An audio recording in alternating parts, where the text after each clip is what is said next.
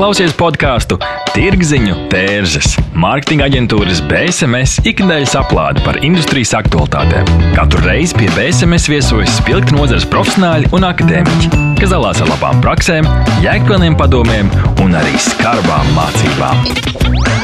Aiziet!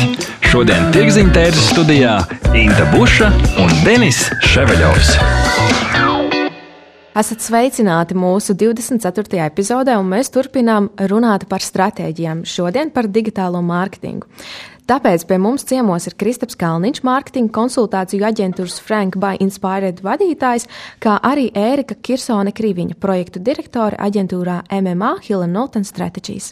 Labrīt! Labrīt! Labrīt. Uzreiz jautājums jums par digitālajām mārketinga stratēģijām. Kā novērtēt, kas strādā? Ar ko sākt? Ar datiem. Pastāstiet sīkāk, kā jūs no, iegūstat datus? Nē, nu kā, manuprāt, ka jebkuras stratēģijas uh, novērtējuma pamatā ir tas, vai tas ir sasniedzis kaut kādus biznesa mērķus. Nu, jo, vai tas ir sasniedzis mārketinga mērķus, tā ir drīzāk taktikas novērtējums. Un, un uh, attiecīgi, kā jebkuram biznesam, visticamāk, pēļņi ir galvenais, un, attiecīgi, ja tu ar to savu stratēģiju nu, spēj nopelnīt uzņēmumam naudu, spēj atnest, atnest biznesu, tad Nu, visticamāk, tas būtu tas, tas galvenais punkts, kā mēs, kā mēs, kā mēs lietas vērtējam, nu, kā mēs vērtējam to, vai, vai tas ir izdevies vai nē. Es piekritīšu, bet piebildīšu arī, ka nemazāk svarīga ir atgriezniskā saite kopā ar šo pieeju radošo mārketingā digitālā sniedz gan pats klients, gan arī viņa, viņa klienti, jeb sekotāji un, un pircēji, kas arī brīžiem iedod to noslēdzošo pareizo mm. pielikt tādu punktiņu par to, ka tie dati tiešām ir korekti un tie nav tikai cipari, bet arī reāli mm. cilvēku viedokļi. Jā, man, manuprāt, tas ir labs punkts par to, ka nu, mēs varam uh, novērtēt uh, peļņu, un otrs ir kaut kāda zīmola, zīmola vērtība. Un zīmola vērtības, ticamāk, mēs zināsim ar to, ka cilvēki zina, par kas ir reklamējies. Tieši tā. Mm Ērika, uh, jā, uzreiz jautājums tev. Nesen uh, jums notika uzņēmumā izmaiņas, un tas arī noteikti paspilgtina to, cik vispār digitālais mārketings ir aktuāls un svarīgs. Pastāst varbūt sīkāk mūsu klausītājiem. Jā, tieši tā izmaiņas ir bijušas ļoti pozitīvas. Mūsu MMA Hill un Altona stratēģijas ģimene ir kļuvusi kuplāka, jeb mums ir pievienojusies digitālā un dizaina aģentūra Baseline, un tagad mēs darbosimies vēl vairāk kopā kopā un eh, ciešāk un piedāvājot saviem klientiem vēl plašāk šos digitālā mārketinga pakalpojumus, eh, bez tā, ko mēs jau līdz šim esam darījuši. Tad sociālie, eh, sociālie tīkli, tāds klasiskais PR, event mārketings, kas, protams, mūsdienās jau ir kļuvis arī par online mārketingu pa lielam. Tagad arī servisēsim ar mājaslapu izstrādēm dažādi 2 un 3D animācijas un, un, un tā tālāk. Nu, lūk, bet, eh, bet, protams, tas viss ir izdarīts ar, ar mērķi eh, un ar izpratni, eh, jo digitālā komunikācija ir tas, kādā laikmetā mēs šobrīd dzīvojam. Pa lielam viss šobrīd ir digitāls. Es vairs negribētu teikt, ka mums ir tādas klasiskās mēdīja attiecības, kur ir šīs avīzes un, un ka uz to tiek likts fokus. Pilnīgi noteikti nē.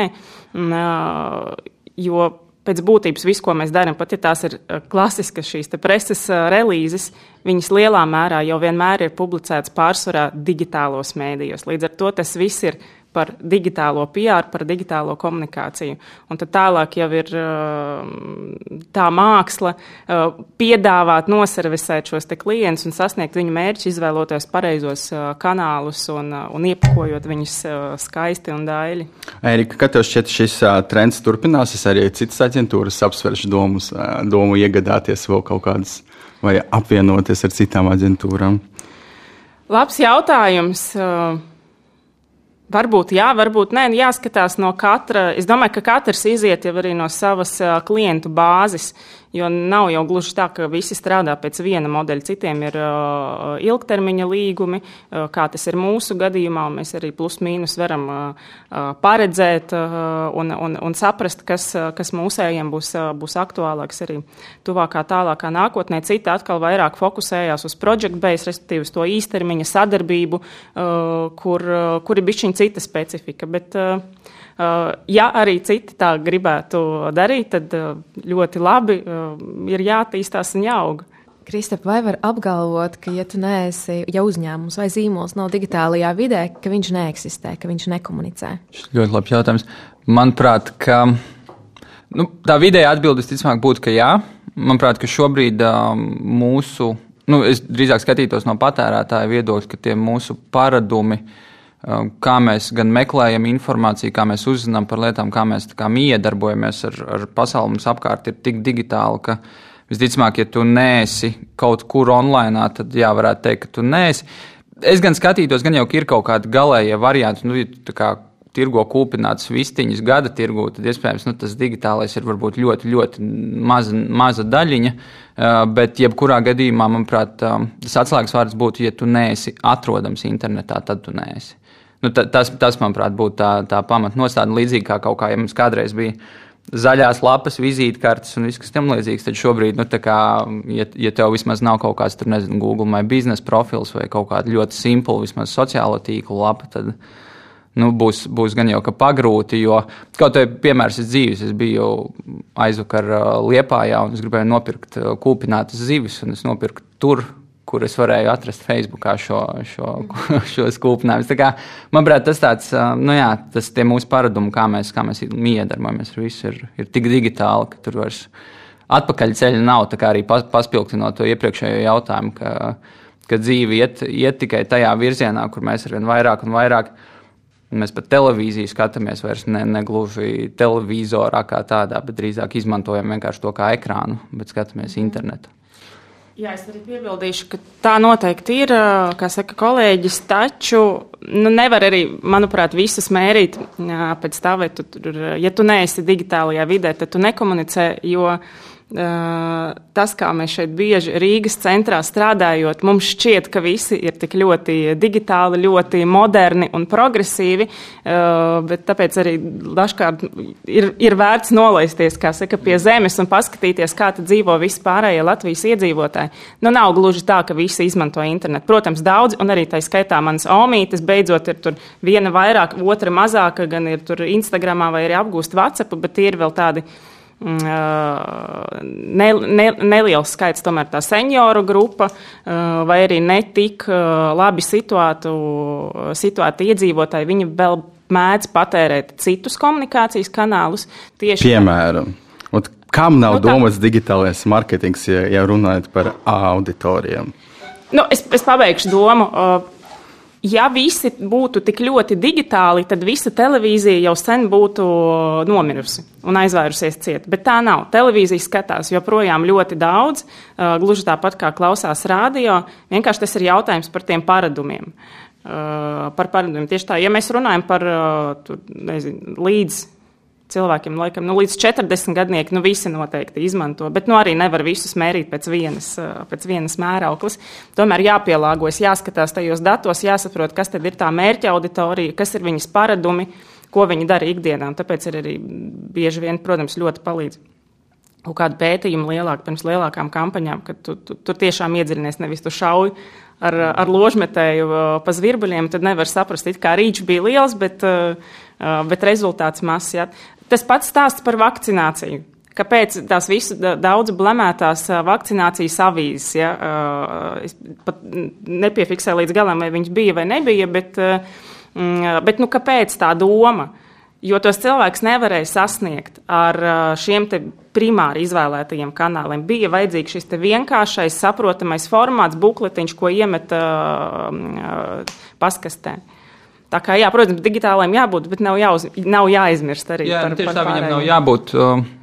Man liekas, ļoti labi uzsver, ka ir atšķirības starp to, nu, ko, es saku, jā, kur tu esi atrodams, mm. pret to, kur tu komunicē. Jā. Un, un, un jā, ir daudz situācijas, kur tā komunikācija digitālajā vidē, nu, ir tāda, uh, Nu jā, tas piemērs, kur tu sasniedz, eh, sasniedz rīču vienā kaut kādā konkrētā mērķa grupā, aktīvāki internetu lietotāji un viss, un savukārt tie mazaktīvie tev paliek aizmirsti, kas, kas ir nu, gan jau ka tiešām tāda, it īpaši sociāla kampaņa gadījumā, jā, ļoti, ļoti uzsverams. Vai, vai kaut kādu arī tas pats, nu, tomēr reģioni, kā Latvija, lai arī maza valsts, mums tomēr ir kaut kāda tā demografiski tā kā sadalījies pa reģioniem, ka tur uh, Un arī, arī lauku reģionos būs, būs kaut kāda mazāk, mazāks digitāla mediju patēriņš, un tikpat labi tev būs jātur pašvaldības avīze.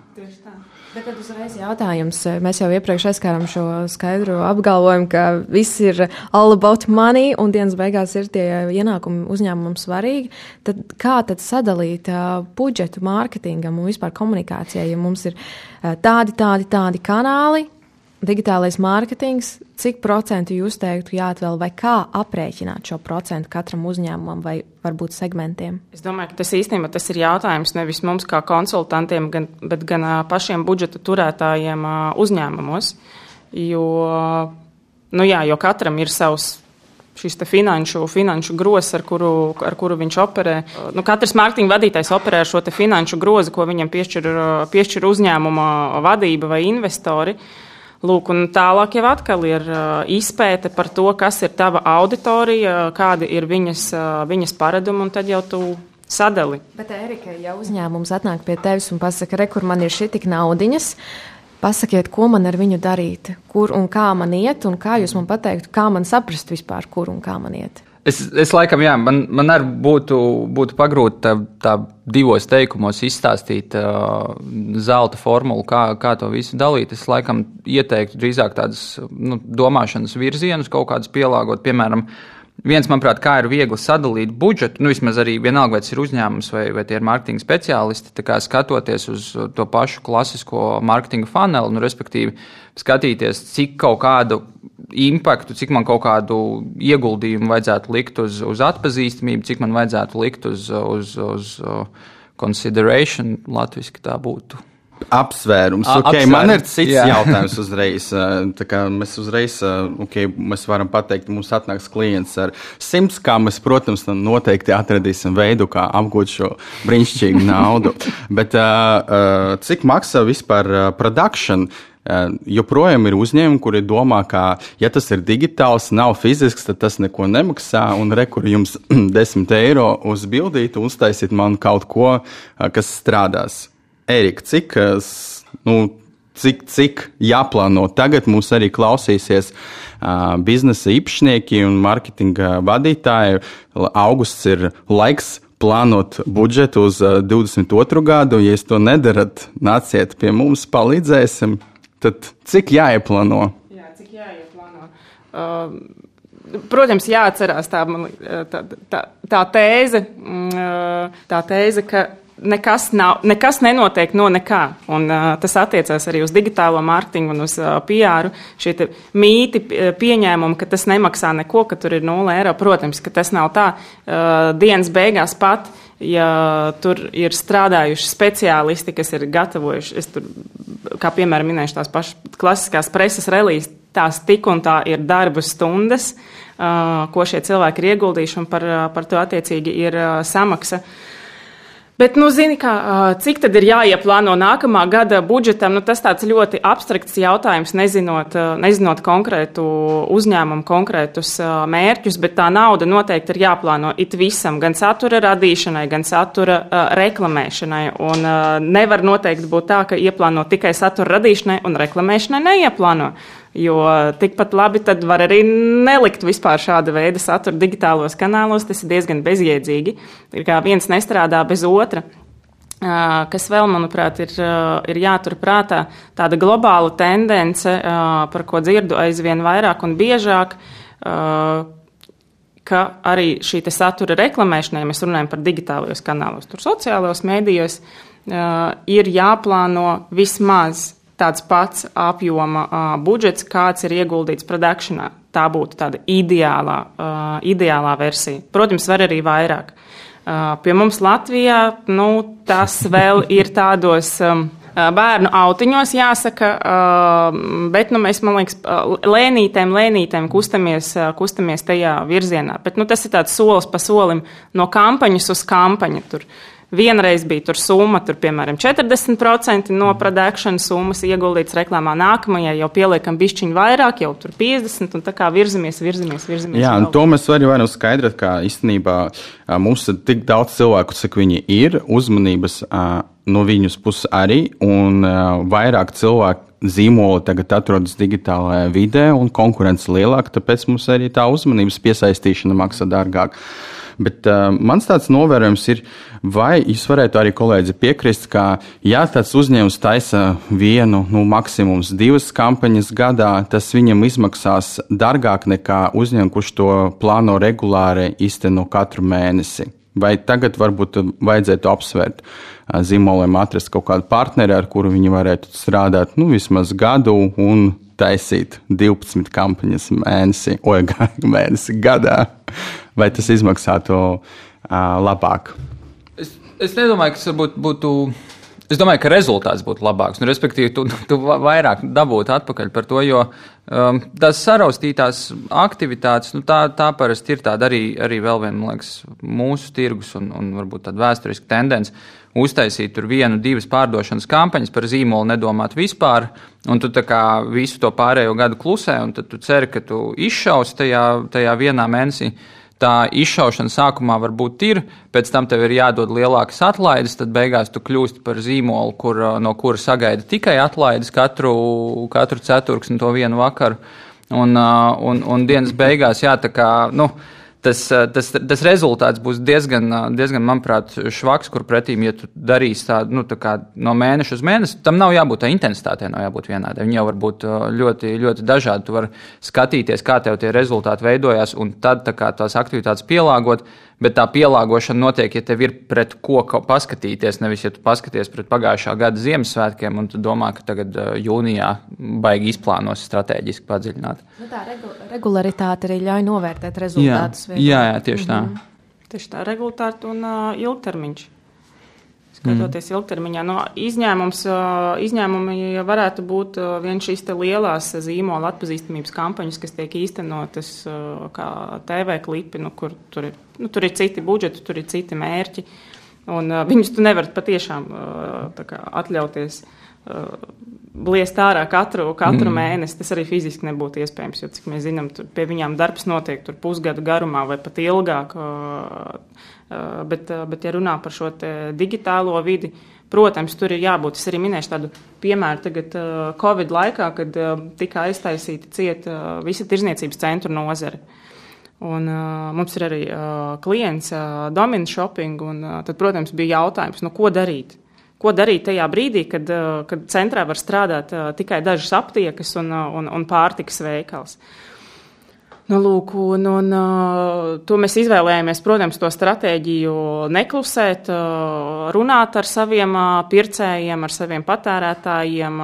Tā brīža kontekstā tas, protams, nebija par pārdošanu, tas nebija par izklaidi baigo, ko, ko parasti sagaida no tirzniecības centra, uh, bet rezultātā, ja mēs tur vērtējam, uh, nu, ne pēc, ne pēc biznesa, bet pēc tādiem publicitātes, publicitātes rādītājiem un kopumā pēc, pēc auditorijas iesaisti, nu, viņi ir acīm redzami, viņi ir iedavuši tādu fantastisku būstu, un, un, un mēs esam nonākuši tādā ļoti, ļoti labā top of mind līmenī.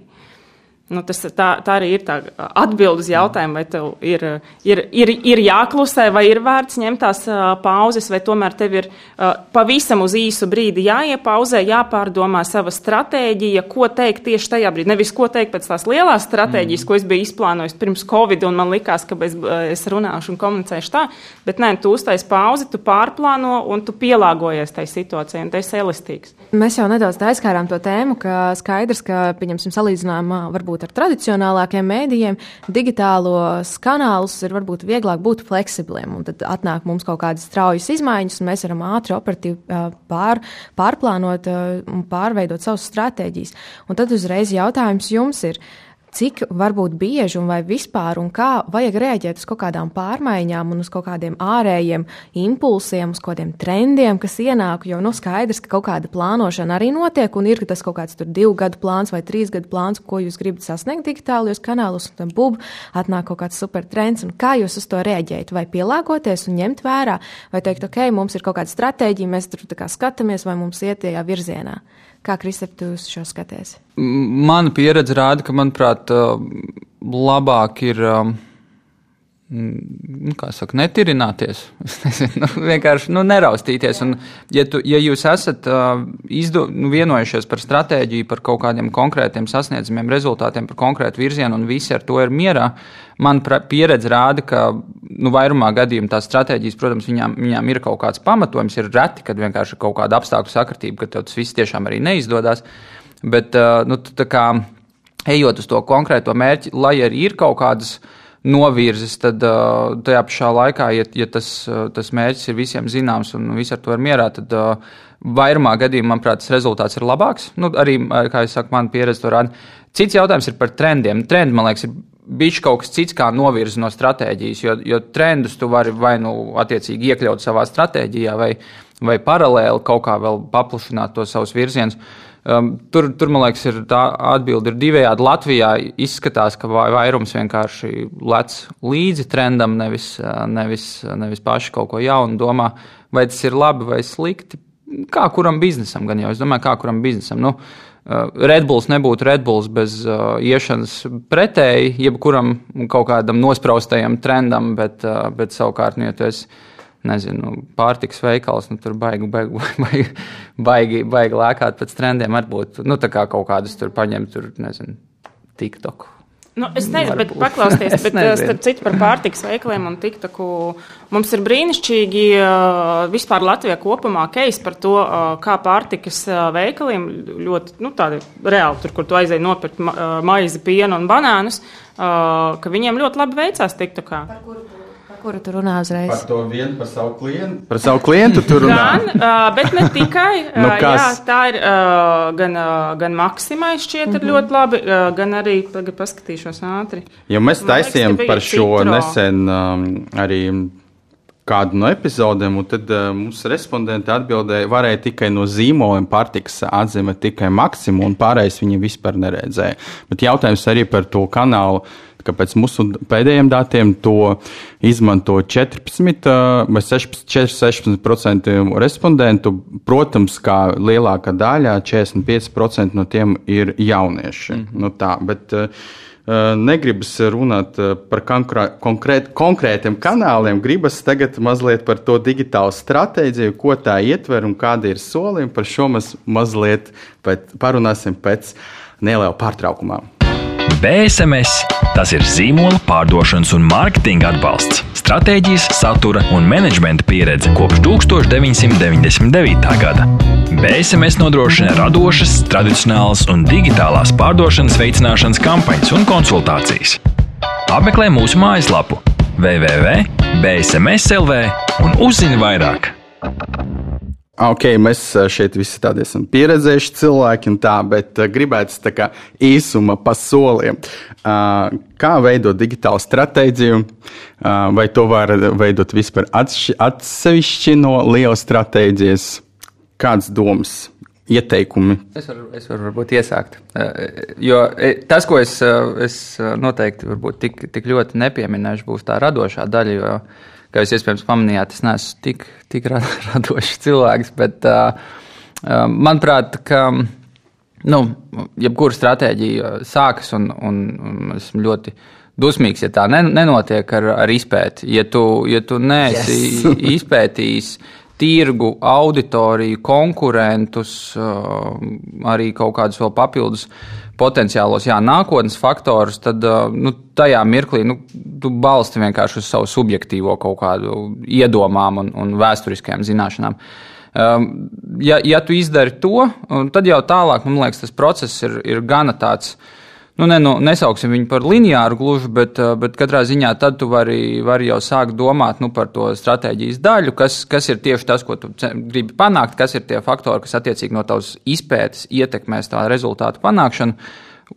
Domāt taktikas, nejaukt tā stratēģija ir stratēģija, respektīvi, kur mēs gribam būt, taktikas ir, kā mēs tur nonāksim, eh, kas seko pēc tam, jo tā, man liekas, arī ir tāda uh, nereti, nu, Latvijā, bet arī citās valstīs esmu to redzējis, tāda kaita, ka, ka mana stratēģija ir Facebook reklāmas.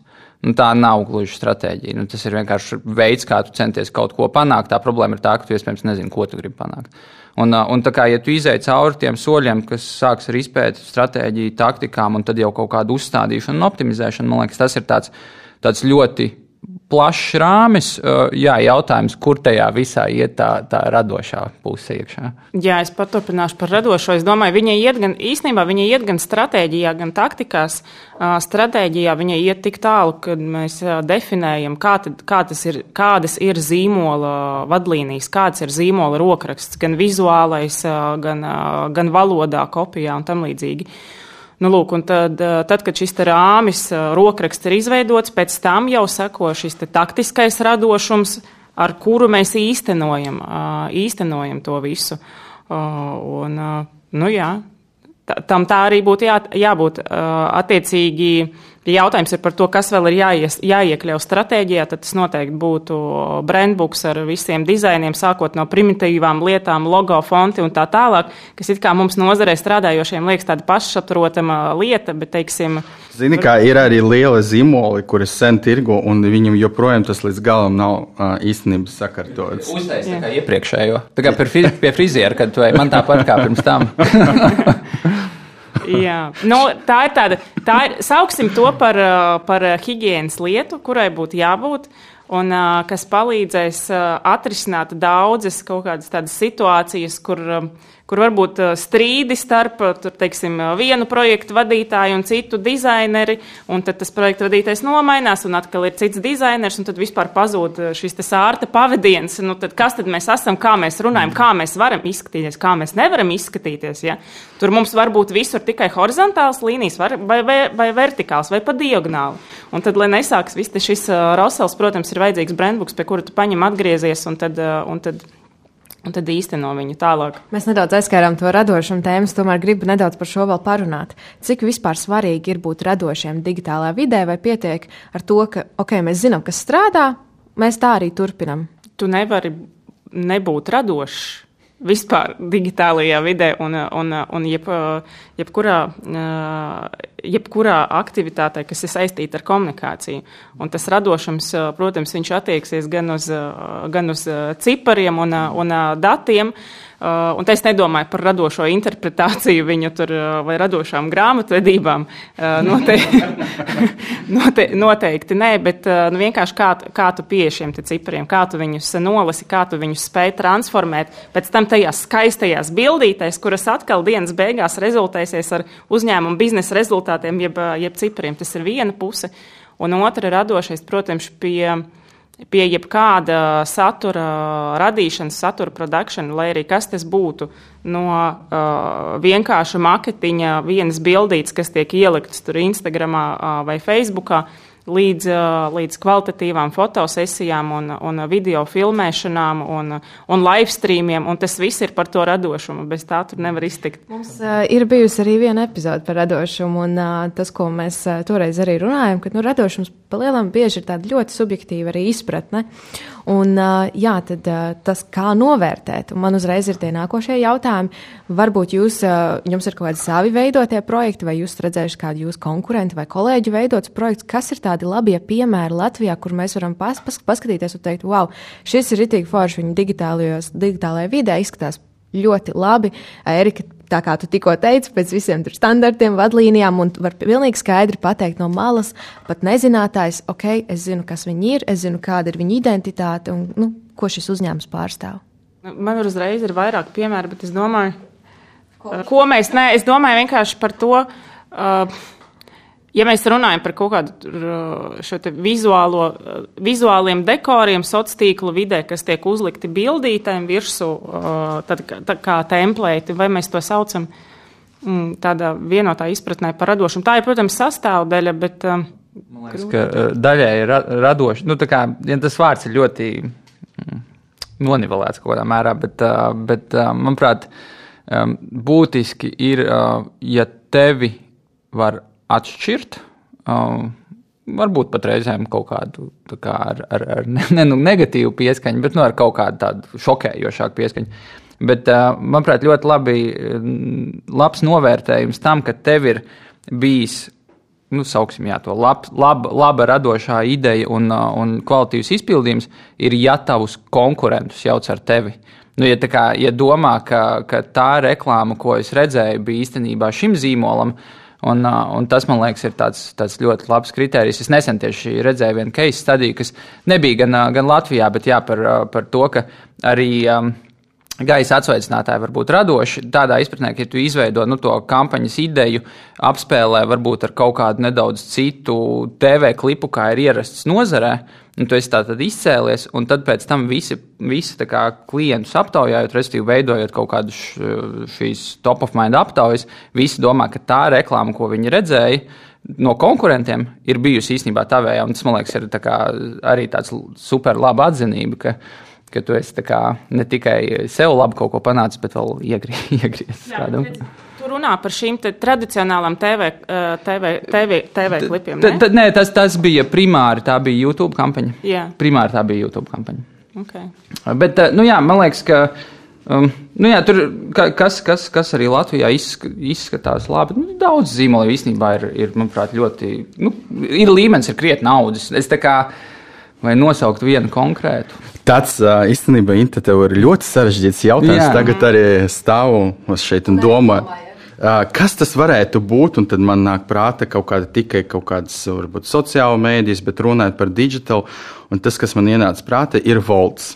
Kaut kā katru reizi viņi izdomā ka veidu, kā tev ir nudž kaut ko nopirkt. Vai tā ir atlaide, piegāde, kaut kāds newsletters, tad tu staiga vai brauc ar riteni mājas, tad tu mm. redzi vēl papildus, protams, arī vidas reklāmu, kas tev vēlreiz atgādina par šo lietu. Un par pārējiem. Latvijas zīmoliem. Es nezinu, tas ir um, labs jautājums. Varbūt jums, klausītāji, ir kaut kas atnācis padomu, un lūdzu, komentējiet visu, kur jūs redzat šo podkāstu. Slavēt uh, savas iecienītākas savas kampaņas. Arī savas kampaņas. Nē, es, es iedomājos, man uh, personīgi man patīk īstenībā, ko dara Latvijā telekomunikācijas zīmoli. Es pat neizceltu vienu. Manuprāt, viņi visi tajā, tajā veselīgajā konkurencē kaut kur iet uz priekšu gan tajā, uh, ka viņi, manuprāt, visi ir pārstājuši, un kas arī ir tāda Latvijas problēma vēsturiski bijusi, un arī citu valstu problēma, ka, tu, ka tev digitālais, di, radošais materiāls digitālajā vidē ir sagraizīts TV klips vai pārmaketēts outdoor makets, nu, kas mm -hmm. īsti vairs tā nedarbojas arī pie tiem dažādiem formātiem, pie tā, kāda, kāda ir tie uzrunāšanas mehānismi. Un, manuprāt, telekomunikācija nozare ir viena no tām, kur, kuru reklāmas un arī uh, pat ne reklāmas, visas viņu komunikācijas, sociālie tīkli, saturs mājaslapās un tam līdzīgi iet tajā virzienā, ka viņi primāri domā, ok, sākam ar online. Un tad izplešam to visu tālāk un adaptējam citām vidēm, kas, manuprāt, ir ļoti, ļoti labi. Nu jā, tas, nu, ja mēs vērtējam jā, pēc tādiem augstī, mm. pēc tiešām top, top tādiem atpazīstamības rezultātiem un rādītājiem, tad noteikti, es domāju, jāmin arī uh, aviācijas nozare, uh, kā Latvijā tiek komunicēta tajā pašā digitālajā uh, vidē.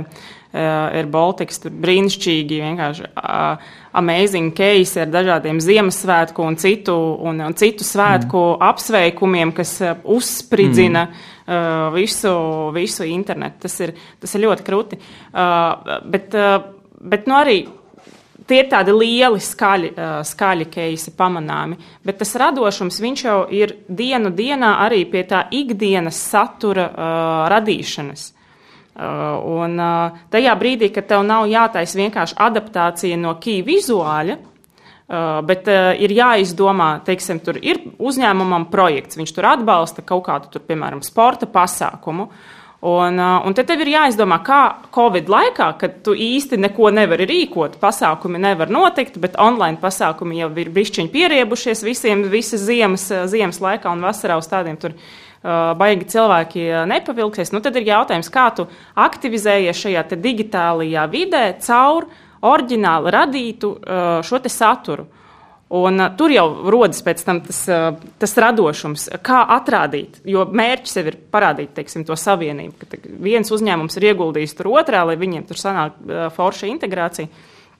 Nu, lūk, un, uh, un, uh, kāpēc es par šo, uh, par šo arī sāku runāt? Arī braucot pie jums, aizdomājos, ka uh, ka pēc būtības tas viss tas satura radīšanas process, kāds tagad notiek digitālajā vidē, piemēram, fotosesijas vai video filmēšanas vai arī online strīmi, tas viss ir akumulē, akumulējies šeit online, bet, ja mēs tā padomājam, fotosesiju rīkošanu mēs esam pārņēmuši no glancētiem žurnāliem no printa. Tad video filmēšanu, nu, tas, ir, tas ir tāds jau it kā radošo aģentūru lauciņš, kurš ir, kurš ir atnācis jau uz, uz PR aģentūrām un uz, uz digitāla aģentūrām, un mēs, to, un mēs visi to darām. Faktiski nu, tāds, tāds filmmakings īsais, mm. īsais notiek. Online stream mēs esam pārņēmuši pieredzi no televīzijām. Ja tas viss ir sanācis kopā, un tas viss tagad ir zem viena, zem šiem pāris vārdiņiem, rad, kā, radošie digitālie risinājumi izklausās ļoti, ļoti vienkārši, bet pēc būtības tā ir tāda simbioze, mm. tāds apjoms ar zināšanām, ar kompetencēm, kuras pieprasa šī nozara. Vairs, tas, tas, nav, tas nav tikai par viena posta ielikšanu, pilnīgi noteikti. Nē. Tas man liekas, labi sasaucās to, ko tu arī pati sākumā teici, ka nav tāds digitālais mārketings, tā ir vienkārši vide, bet kur, nu, tur tas ir mārketings. Un, un tev ir jādomā dažādās, ļoti plašās kategorijās, lai būtu tas rezultāts. Jā, rezultāts pavisam noteikti skaidrs, ka viņš miedarbojas starp dažādiem kanāliem, rīkiem, ko mēs izmantojam, un tas viss sajiet kopā. Un tad tajā pašā laikā mēs zinām, ka ir daudz situācijas no reālās dzīves, kur vairākas aģentūras strādā pie viena zīmola. Ir forši, ka, pieņemsim, divas aģentūras ir apvienojušās un var strādāt kopā pie viena konkrētā uzņēmuma, bet, nu, realitātē bieži tur ir, pieņemsim, piecas aģentūras, kas strādā uz kampaņu. Un tad kā miedarboties viņiem savā starpā, lai visiem būtu pilnīgi skaidrs, kas ir tas endgame, uz kurien mums ir jāiet. Un citreiz arī vēl tā situācija, ka pašā uzņēmumā iekšā ir kaut kāda konflikta vai nesaprašanas vai neviennozīmīga, nu, neviennozīmīga izpratne starp, pieņemsim, pārdošanas komandu, starp mārketinga nodaļu, komunikācijas vai PR un varbūt vēl vadību. Kā miedarboties un kurš tad beigās ir atbildīgs par to rezultātu? Man ir, vien, man, man ir pilnīgi precīzi uh, atbild uz šo jautājumu. Uh, ir jābūt ļoti kvalitatīvam, rūpīgi detalizētam, uh, izstrādātam brīfam no klienta puses, kur ir nodefinētas visu pušu atbildības, uh, kur ir nodefinēts, protams, pirmkārt, uh, biznesa mērķi, mārketinga mērķi, auditorijas, respektīvi, viss tas insight, insights, ko klients var iedot par sevi, par zīmolu, par savu projektu. Tālāk ir katras aģentūras konkrēti definētie darba uzdevumi ar konkrētiem uh, datumiem un kurš kurā brīdī uh, kam kādu saturu iedod. Uh, Uh, es neredzu, man, manuprāt, nav citas formulas, uh, lai, lai tā sadarbība kopā notiktu uh, ļoti kvalitatīvi un, uh, un produktīvi. Jo tajā brīdī, kad tas viss nav atrunāts, sākas, lai var sākties nu, pilnīgi normāli. Uh, viens grib, uh, viena aģentūra grib vairāk iesēlot savu pakalpojumu, otrai ir tāds pats, un tad ir rodas interešu konflikts, vai arī otrādi vienai ir viens jādara, bet viņi to negrib, viņi to grib nogrūst. Nu, resti, nu, tur ieslēdzās jau ļoti daudz tādu cilvēku cilvēcisko arī faktoru. Bet, ja tas viss ir atrunāts vienā skaistā brīfā, kurā ir ieguldījies klients viņa sagatavošanā, pilnīgi noteikti esmu vairāk kā pārliecināta, ka šis viņa ieguldījums atmaksāsies ilgtermiņā. Bet arī bet ar, ar piebildi, bet klientam pašam ir jābūt teiksim, vienam cilvēkam, kas arī sako tam visam līdzi, kas mm. nepalaiž pašplūsmā. Izklausās ļoti labi. Kristap, kā tavā pieredzē? Ne, es, es pilnīgi piekrītu. Manuprāt, skaidrs uzdevums, skaidrs project lead, nu, jo respektīvi tās situācijas, kad kā, klients iedod to brīvu un tad kā, nu, dariet, kā, tieciet galā savā starpā, nu, tas arī nedarbosies. Tur ir jābūt kādam, kas stāv vai ar burkānu vai ar pātagu, kas to visu kā, kaut kādā mērā kontrolē. Un, uh, tas, ko es vēl gribēju piebilst, manuprāt, nu, tāds mm, drīzāk varbūt pat aģentūru savstarpējās attiecībās, manuprāt, ir labi tomēr būt. Uh, cilvēkiem, un, uh, un tad, ja ir kaut, kādi, kaut kādas kļūdas vai kaut, tā, nu, kaut kādas jā, nu, nesaprašanās, pirmo, pirmajā reizē varbūt mēs varam norādīt, ka, nu, kā hei, re, kur ir kaut kāda problēma, nu, tā kā varbūt paskatīsimies, kā mēs viņu varam labot. Nevis uzreiz kā, sūtīt uh, ēpastu ar, ar sarkaniem burtiem, jau re, kur uh, te bija. Uh, jā, te bija, te, te bija problēma. Klausies, mēs nesen pieņēmām cilvēku, viņš var izdarīt to labāk. Nu, tas tā kā uzreiz, un tad uzreiz nozīmē, ka tie divi savā starpā atkal cilvēciski sāks jau plūkties, un tas kā, būs pilnīgi bezjēdzīgi beigās. Pēc manā pieredzē ir ļoti labi, uh, tad, kad klients tiešām arī uztaisa starp aģentūru tikšanos, sanāksmes, sapazīstina, mm. skaidri nodefinē, ko no kā sagaida un iedod tādu pozitīvu impulsu, ka, hei, draugi, mīļie, mēs šeit visi esam viena mērķa Jā, uh, vadīti. Mm -hmm. Un tad ir tāds jautājums, lēnām tuvojoties jau mūsu epizodes uh, ierakstā finišam, ko mēs jautājam šī mini cikla katra noslēguma kā, epizodē. Katrai epizodē. Un tad tas jautājums skan šādi. Vai Latvijā uzņēmumi jūsuprāt zina, kur viņi vēlas būt pēc pieciem gadiem? Kādas ir jūsu domas par šo, Kristap, varbūt var sākt? Es, es ceru, ka viņi, nu, kā, kā uzņēmumi, es ceru, ka viņi zina, kur viņi grib būt pēc pieciem gadiem. Tas tā, doesn't make sense. Bet, uh, problēma, man liekas, ir tajā, ka viņi nu, ļoti reti, kurš Latvijā zina, kur viņš grib būt digitālajā mārketingā pēc pieciem gadiem. Daļēji varbūt tāpēc, ka tās tendences tā kā, nu, ir grū, grūti kā, paredzēt tendences, un tāpēc tev ir vieglāk ir īstermiņā domāt. Ir vieglāk domāt maksimums tādā gada griezumā, un ok, nu, kā uh, kaut, ko, kaut ko darīsim. Bet, bet otrs ir tas, ka, šis varbūt mazāk attiecināms ir uz tādiem jau, jau, jau lielākiem uzņēmumiem, bet drīzāk uz tādu mazo vidēju uzņēmēju, uh, ka, diemžēl, ir tā, un, un arī tirgus, tirgus kā tāds, kā marketinga nozara, kā digitāla aģentūra, tirgus ir tāds, kur um, ir viegli uzķerties uz, uz uh, hei, nāc pie mums, mēs pa Facebook reklāmām tev atvedīsim 50 uh, karstus līdus. Tie, tie kas arī reklamējās paši Facebook. Jā, nu, tā ir piramīdas schēma. Bet, es zinu šos uzņēmumus. bet uh, ir, vie, nu, es, es redzu, ka cilvēkam, kurš ražo kaut ir sācis ražot kaut kādu produkciju, viņam ir viegli uz tā uzķerties. Viņam, ir, viņam tomēr vajag to, tos apgrozāmos līdzekļus, un tā, tā rezultātā tev, tas, tev tā ilgtermiņa domāšana nu, ļoti, ļoti ātri izplēna. Tāpēc um, nu jā, es, es, novēlu, es novēlu, man liekas, visiem uzņēmējiem censties domāt ilgākā termiņā, censties domāt par savu zīmolu ne tikai par to, kā tu pārdos, jo, ja tu tikai pārdos, nu, tad tu būsi diskontērs pēc, pēc trīs gadiem. Un, un, un tas, manuprāt, varētu novest pie tā pozitīvā rezultāta, bet, jā, atbildot uz to jautājumu, šobrīd vēl ir jāpadomā par to, kur mēs gribam būt pēc pieciem gadiem. Pieci gadi ir ļoti daudz arī.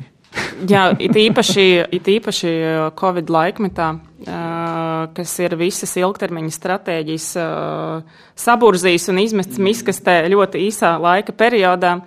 Un, nu, jā, tas, kas notiek, tas, kas notiek, ko es redzu ar, ar saviem klientiem, ar uzņēmumiem, nu, mana personīgā atziņa ir tāda, visi, kas ir tikuši cauri tagad visam šim pandēmijas tracim, ir skaidrs, ka viņi grib būt arī pēc pieciem, desmit un tālāk gadiem. Tas jau stāst ir par to, teiksim, ka, ka grib būt. Otrs, ka Viņi arī saprot, ka ir jābūt elastīgiem, jāpielāgojas tai situācijai, jo tu nevari šobrīd baigi paredzēt, nu, kādi būs apstākļi. Te visi runā tagad, kas būs rudenī, un attiecīgi tālāk par Ziemassvētkiem baigi neskatās. Un, uh, es domāju, ka daudzi ir arī zināmā mērā diezgan bijīgi pret to ilgtermiņa plānošanu, savu īpašu mārketinga. Skaidrs, ka, nu, ka biznesam tur ir jānotiek, bet uh, bet arī pret to uh, mārketinga plānošanu uh, ir tā, jo šis pandēmijas, uh, pandēmijas periods ir parādījis, tur tie, kas ir taisījuši tur plānus, tur mēs darīsim scenārijs A, scenārijs B, scenārijs Z un tā tālāk, un beigās tas viss, viss nekam nedara un ir pilnīgi kaut kas, kaut kas cits. Nu, tas ir grūti, šajos apstākļos diezgan izaicinoši. Tu, ir, protams, jābūt tādai tālākai vīzijai, ja mēs runājam par, par šo te mārketingu, bet ir jāsaprot tie reālie apstākļi. Mēs vairs nedzīvojam tajā laikā, kā bija rakstīts uh, grāmatās, kas izdodas pirms, pirms pieciem vai desmit gadiem. Nu, tā tas vairs uh, visticamāk arī nebūs. Nu, lūk, un, jā, un kas attiecās uz šo digitālo mārketingu, protams, tur liela ietekme ir no, no aktualitātēm, no tendencēm, kādi kanāli parādās. To jau nevar uh, prognozēt. Ja pirms pāris gadiem šķita, ka Latvijā notiks uh, YouTube uzplaukums un beidzot mēs visi radīsim ļoti skaistu, foršu, iesaistošu saturu ar fantastiskiem reitingiem, tad Covid tam ir pielicis, gribētu teikt, diezgan lielu traknu punktu. Nu, ja mēs paskatāmies, kas tad ir no tā oriģinālā satura palicis ļoti maz, un tas, kas ir, nu, tad vai tajā tur zīmola grib vispār integrēties uh, iekšā, un, uh, nu, uh, arī nepārāk, ne nu, ja, kā, un, un pēkšņi tad mums ir tiktoka bums. Nu, kurš to varēja paredzēt vēl tur pirms gada vai diviem? Nu, varbūt kaut kādi futurologi, bet, bet nu, jā, vienkārši jāstrādā tajos apstākļos, domāju, tur jābūt elastīgiem. Tā ir tā formula. Un nav jāpazaudē arī sevi. Paldies, ka klausījāties mūsu 24. epizodi. Pie mums ciemos bija Kristaps Kalniņš, mārketinga konsultāciju aģentūras Frank by Inspired vadītājs, kā arī Ērika Kirsone Kriviņa, projektu direktore aģentūrā MMA Hilla Norton Strategies. Paldies! Paldies, ka klausījāties BSMS podkāstu Tirziņu tērzes. Aplādi ar labām praktiskām, jēgpilniem padomiem un skarbām mācībām. Patika epizode? Dalies sociālajos medijos, ir idejas tēmām vai viesiem? Raksti mums! Tās bija Tirziņa tērzes. Tiekamies nākamnedēļ!